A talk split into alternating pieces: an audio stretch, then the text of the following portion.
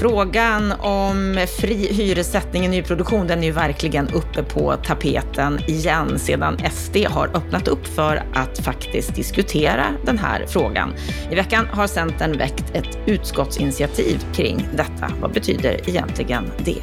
Och den första större hyresuppgörelsen, den har blivit klar utanför trepartsöverenskommelsen.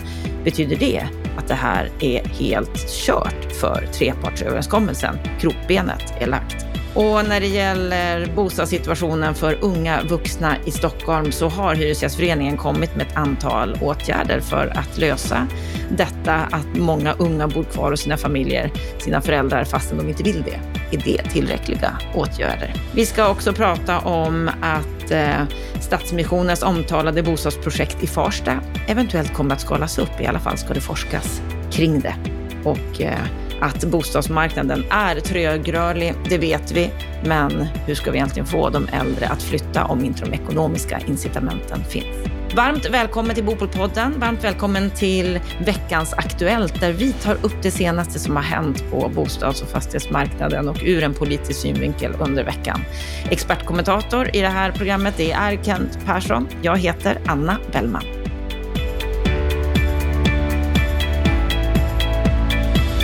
Vi börjar veckans Aktuellt härifrån oss på Bopolpodden med det viktigaste som har hänt under veckan, nämligen att vi hade ett eget event i Göteborg i tisdags, Bopol Live Göteborg.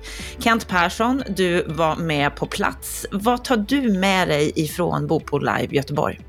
Eh, att det var väldigt bra samtal och god stämning. Eh, så det var ju vårt första event i Göteborg. Vi har gjort eh, flera i Stockholm eh, och dels så igen så lyckas vi med att få fullsatt. Jätteroligt, över 100 personer på plats. Eh, och vi har människor där både från politiken, förvaltningen och branschen. Och det här blir, tycker jag, väldigt spänstiga och bra samtal emellan de här tre olika aktörerna. Där vi förhoppningsvis också lägger grunden för en bättre förståelse för varandras uppdrag. Så att det tycker jag var jätte, jättebra. Vi har ju också formen i vårt upplägg på våra event att vi har lite längre pass med lite färre deltagare i panelerna. Vi har enskilda föredragshållare som också får ge djupet i, av sin analys. Och jag tror också att det där gör att vi får ett större djup i diskussionen och samtalen. Och det tror jag verkligen gynnar de bostadspolitiska samtalen och det gynnar att skapa en förståelse mellan, mellan aktörerna på marknaden, alltså branschen, politiken och eh, förvaltningen. Och det där är jätteviktigt.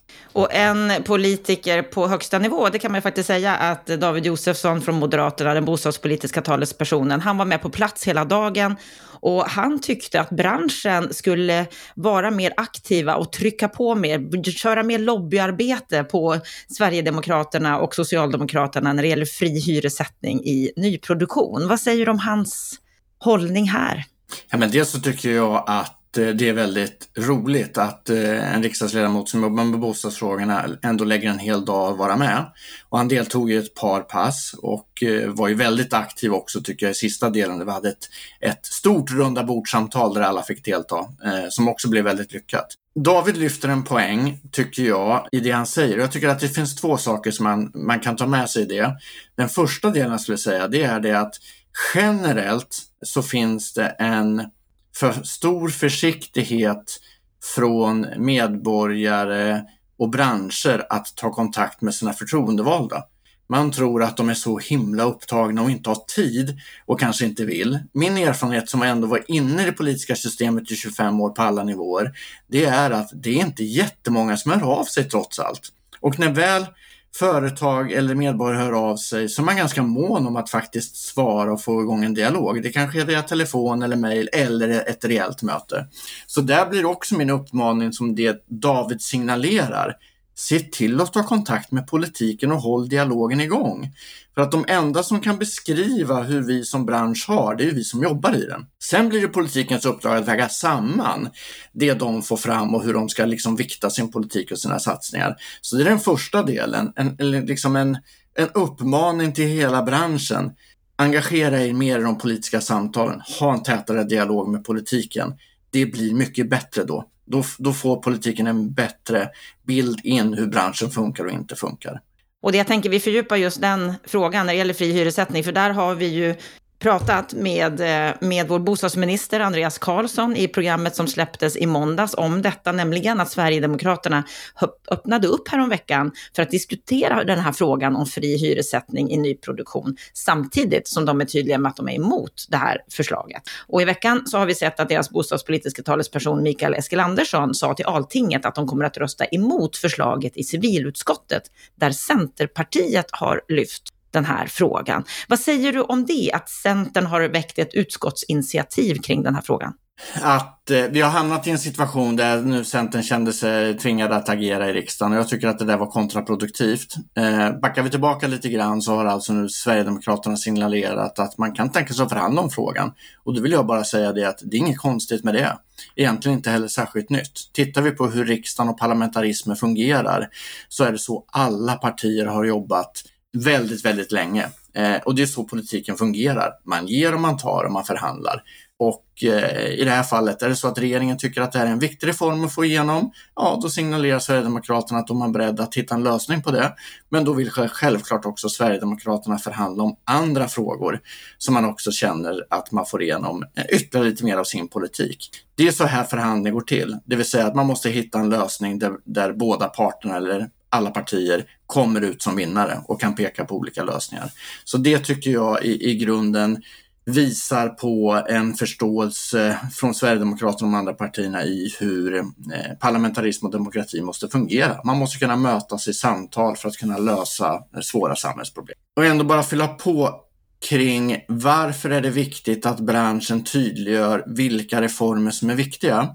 Bostadspolitik är väldigt komplext som vi har pratat om flera gånger i, i det här programmet. Att det är så många saker som påverkar om vi kan bygga eller inte bygga. Det är så många saker som påverkar om bostadssektorn kommer att börja fungera eller inte. Idag är den dysfunktionell. Och alla de här inspelen får politiken att ska väga samman i ett läge där vi nu, nu är, där krisen eh, ytterligare förvärras och nedgången är brant och många av oss bedömer också att det här kommer bli en väldigt långvarig kris, då måste man också som, eh, som politik och regering kunna navigera i vilka reformer blir det då som blir viktigast för att kunna, eh, kunna vända den här nedgången och få fart på byggandet igen. Och då skulle jag säga det att då är det också viktigt att branschen kan prioritera och säga vilken reform är viktigast. Och här har vi nu fått från flera partier ett önskemål om att berätta vilka reformer som är viktigast. Vad prioriterar ni? Och då ska jag säga det att för branschen när vi pratar hyres, hyresrätter, då är den fria hyressättningen för nyproduktionen den absolut viktigaste reformen.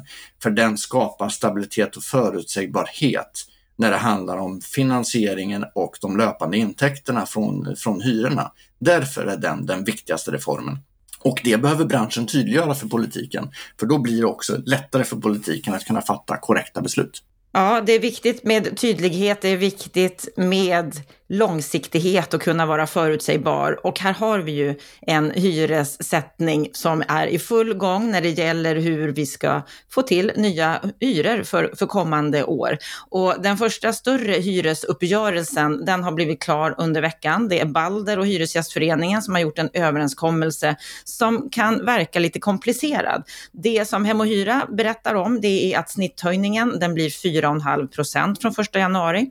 En majoritet av hyresgästerna hyresgästerna i det gamla beståndet, de får en höjning på 5,45 procent och höjningen i nyproduktion ligger på i snitt 4 procent.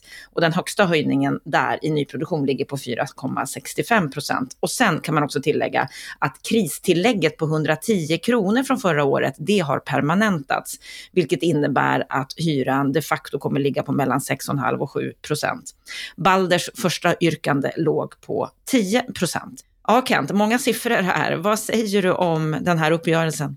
Så det första man får säga är ju att det är komplicerade förhandlingar och precis som du beskriver så är det också ofta så i de här uppgörelserna att det blir olika hyreshöjningar beroende på är det nyproduktion vi pratar om eller är det befintligt bestånd och även i det befintliga beståndet så har man lite olika uppgörelser beroende på en hel rad olika faktorer.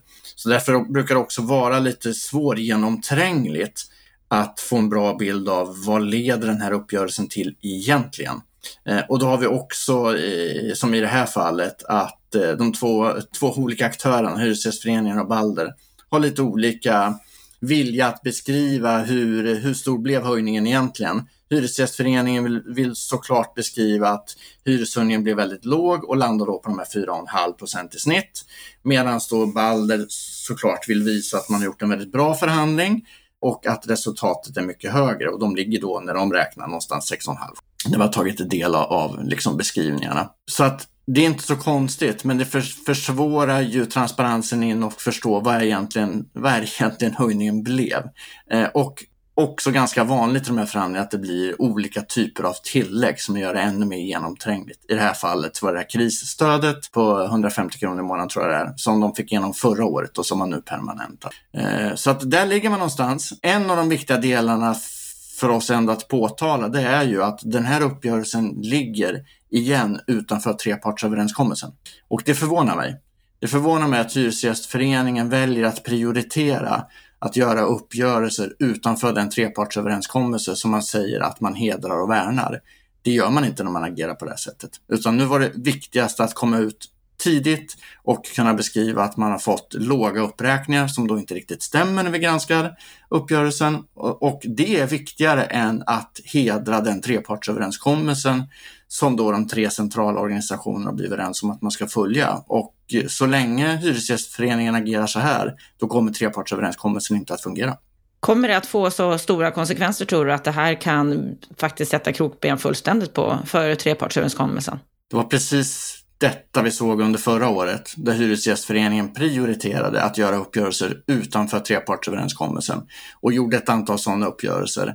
Och resultatet av det vet vi, det blev inga uppgörelser gjorda eh, i princip någonstans i hela Sverige, utan alla uppgörelser som gjordes sen gjordes ju utanför trepartsöverenskommelsen.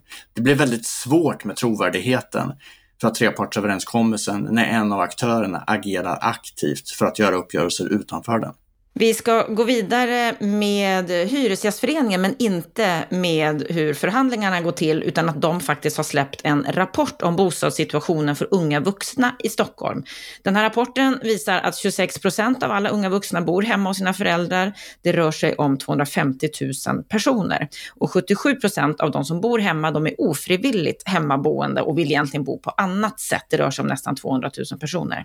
På SvD Debatt så skriver förbundsordförande Marie Linder och vice förbundsordförande Ola Palmgren från just Hyresgästföreningen. De föreslår flera åtgärder för det här. En åtgärd är bostadsförmedling efter behov, inte bara kötid. En annan åtgärd är att stärka bostadsbidraget och en tredje åtgärd det är förmånliga bygglån. Vad säger du om de här åtgärderna Kent? Är det rätt åtgärder för att unga personer ska kunna hitta sin egen bostad? Så börjar vi med, med problembeskrivningen så är den ju korrekt och jag har tittat lite grann eh, på, på siffrorna att eh, det här är en återkommande undersökning. Backar vi tillbaka till 1997 så uppgav i den här typen av undersökningar 15 procent av de unga i åldern 20 till 27 år att man bodde kvar hos sina föräldrar. Och nu 2023 så är det 26 procent i samma, samma grupp, alltså 20 till 27-åringarna som bor kvar hemma. Det är en ganska stor förändring. Och då skulle jag säga det att det här är nog bara början, särskilt i storstadsområdena. Eh, när vi nu ser liksom att eh, nyproduktionen helt stannar av så blir ju unga människor en av de grupperna som får det otroligt svårt att komma in på bostadsmarknaden. När det gäller då de olika reformerna så är det klart att det är en hel rad saker som behöver göras för att först och främst få hela bostadsmarknaden att fungera och få igång med nyproduktionen. Eh, sen tror jag att man kan jobba och kanske behöver jobba riktat mot grupper som har svårt att ta sig in. Det kan vara förstärkt bostadsbidrag. Eh, det kan vara också till den här gruppen eh, att man förstärker upp med startlån, det vill säga att man också underlättar för den här gruppen att komma in i det ägda boendet. Så att man behöver jobba med gruppen att stärka deras möjligheter att både komma in i det hyrda boendet och komma in i det ägda boendet. Det här med förturer i bostadsköer är ju jättesvårt, eh, för det ska ju vägas hela tiden då, vilka är det som har störst, störst behov? Och det är klart att ungdomar har ett stort behov att kunna flytta hemifrån och komma igång med sitt, sitt, eh, sitt egna liv och vuxenlivet och träda in i det. Men vi har också andra grupper i, eh, som är kanske ännu mer utsatta eh, på bostadsmarknaden. Då. Så det där är en jättesvår avvägning och jag tror inte att det är lösningen utan långsiktigt måste få igång bostadsbyggandet. Ja, man kan absolut ha ekonomiska eh, riktade åtgärder till den här gruppen som underlättar för dem att komma in på bostadsmarknaden. Mm, det finns många grupper som du säger som har behov och vi har ju hemlösa som en sån grupp och Stadsmissionen jobbar ju mycket med det. De har ett omtalat bostadsprojekt i Farsta och bostadsprofilen Linda Lövgren som jobbar på VSP, hon ska nu forska kring om det går att skala upp det här bostadsprojektet. Unikt med det här det är att man ska ha en differentierad hyresmodell med en viss del låga hyror. Men det här går ju egentligen inte ihop alls med det svenska hyressättningssystemet. Och Linda Löfgren, hon säger så här i Fastighetstidningen. Med sin modell sätter de verkligen fingret på problem med den hyressättning vi har idag. Något som många inte inser är hur bruksvärdessystemet också är ett hinder att sätta för låga hyror. Något som förmodligen inte var meningen från början. Ja, Kent, hur ser du på det här projektet och på hela den här situationen som Linda beskriver? Att det här projektet är ju, eh, tycker jag, väldigt, väldigt intressant och spännande. Kanske ett av de mest intressanta eh, projekten vi har haft i Sverige på väldigt, väldigt länge. Man hade ju kunnat önskat att eh, de här initiativen hade kunnat komma från, eh, från ett annat håll. Eh, till exempel politiken hade kunnat öppna upp det eller att Sveriges allmännytta hade kunnat jobba med frågan.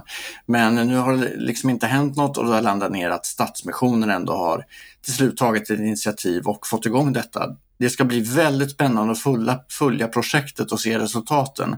Jag är förhoppningsfull. Jag tror att det här kommer att gå bra och jag tror att det kommer leda till eh, så bra erfarenheter att vi förhoppningsvis också kan få igång en diskussion om att vi borde införa det här i större skala runt om i landet. Därför blir det jättespännande att eh, Linda är en av dem då som går in och ska forska på det här. Det ska bli jättespännande att se också deras forskning kring detta och se vilka slutsatser de drar. Men eh, oerhört viktigt projekt, oerhört spännande eh, som många av oss i branschen kommer att följa med, eh, med stort intresse. Vi ska gå vidare och prata om att vi behöver en ökad riskdelning. Ökad riskdelning, det är någonting som vi hör mer och mer om i debatten. Och vi vill att staten ska gå in och ta mer ansvaringar för att investeringar i bostäder görs. Vi har ju pratat om det en del i podden här, att den gröna industrialiseringen behöver bostäder och där behöver staten gå in. Vice statsminister Ebba Busch, hon gick i ett stort reportage i Aftonbladet ut och menade att vi kan få se stora statliga satsningar i bland annat kärnkraft, infrastruktur och bostäder framöver. Och hon säger så här, när vi kopplar greppet om inflationen, då behöver Sverige titta på en historiskt stor investeringsbudget. Ja, vad säger du om den här artikeln och utspelet som Ebba Busch gör? Jag tycker att det är intressant och spännande. Eh, det visar väl att regeringen eh, och KD, och det här är ett KD-utspel, ändå känner av att man är pressad av opinionen och pressad av att eh, man har av förklarliga skäl varit ganska restriktiva i, i, sina finansiella satsningar. Budgeten innehåller inte jättemycket och jag tror att de ins börjar inse att man måste nu göra större investeringar framåt eh, för att faktiskt klara de samhällsproblem vi, vi står inför. Så att ett spännande utspel. Det är inte så detaljerat, men det är ändå en, eh, en färdriktning som pekas ut att man är beredd att, göra, att ta ett större statligt ansvar för att få igång helt nödvändiga investeringar i det här landet. Infrastruktur, energi och intressant att bostäderna kommer in. Då kan man väl ändå säga det för den som är historiskt insatt i, i bostadsbyggandet i Sverige att Ja, det är till delar unikt men ändå inte. Det var ju detta som, eh, som folkhemmet bestod av, att man gjorde stora statliga investeringar för att i praktiken bygga bort den fattigdom som Sverige hade innan andra världskriget och efter andra världskriget. Och då var bostadsbyggandet en helt central del i de investeringarna och satsningarna. Och efter det följde sen en hel rad andra reformer som byggde det moderna Sverige. Så att Sverige har gjort detta förut. Så att eh, ja, jag välkomnar detta och ser fram emot att vi får en tydligare beskrivning om hur det här folkhemmet 2.0 skulle kunna utformas. Spelar det roll, tror du, att det är KD som gör det här utspelet? De innehar ju också bostadsministerposten. Vi hade ju Andreas Karlsson i podden i måndags. Han pratade ju mycket där om vikten av att just bekämpa inflationen och inte lika mycket om den här typen av stöd. Nej, men jag tror att det, ja, det är, är ju sant och jag tror att det KD försöker göra nu det är ju att det här var ju också en presentation igen utav den eh, arbetsgrupp som Kristdemokraterna har eh, eh, satt ihop för att arbeta med det längre perspektivet i att utforma en politik eh, som rör eh, de här frågorna ur ett KD-perspektiv. Eh, så att jag tror att Ebba Busch försöker nu särskilja frågorna lite grann kring vad regeringen gör och vad Kristdemokraterna vill göra. Jag tror att de nu försöker de mejsla ut en väg och en riktning som de vill gå till val på. Jag hoppas att en del av de här satsningarna genomförs redan under den här mandatperioden. Men det kommer vara så här med inflationsbekämpningen och beskeden från regeringen. Ungefär samma besked från, från, som det är från Riksbanken.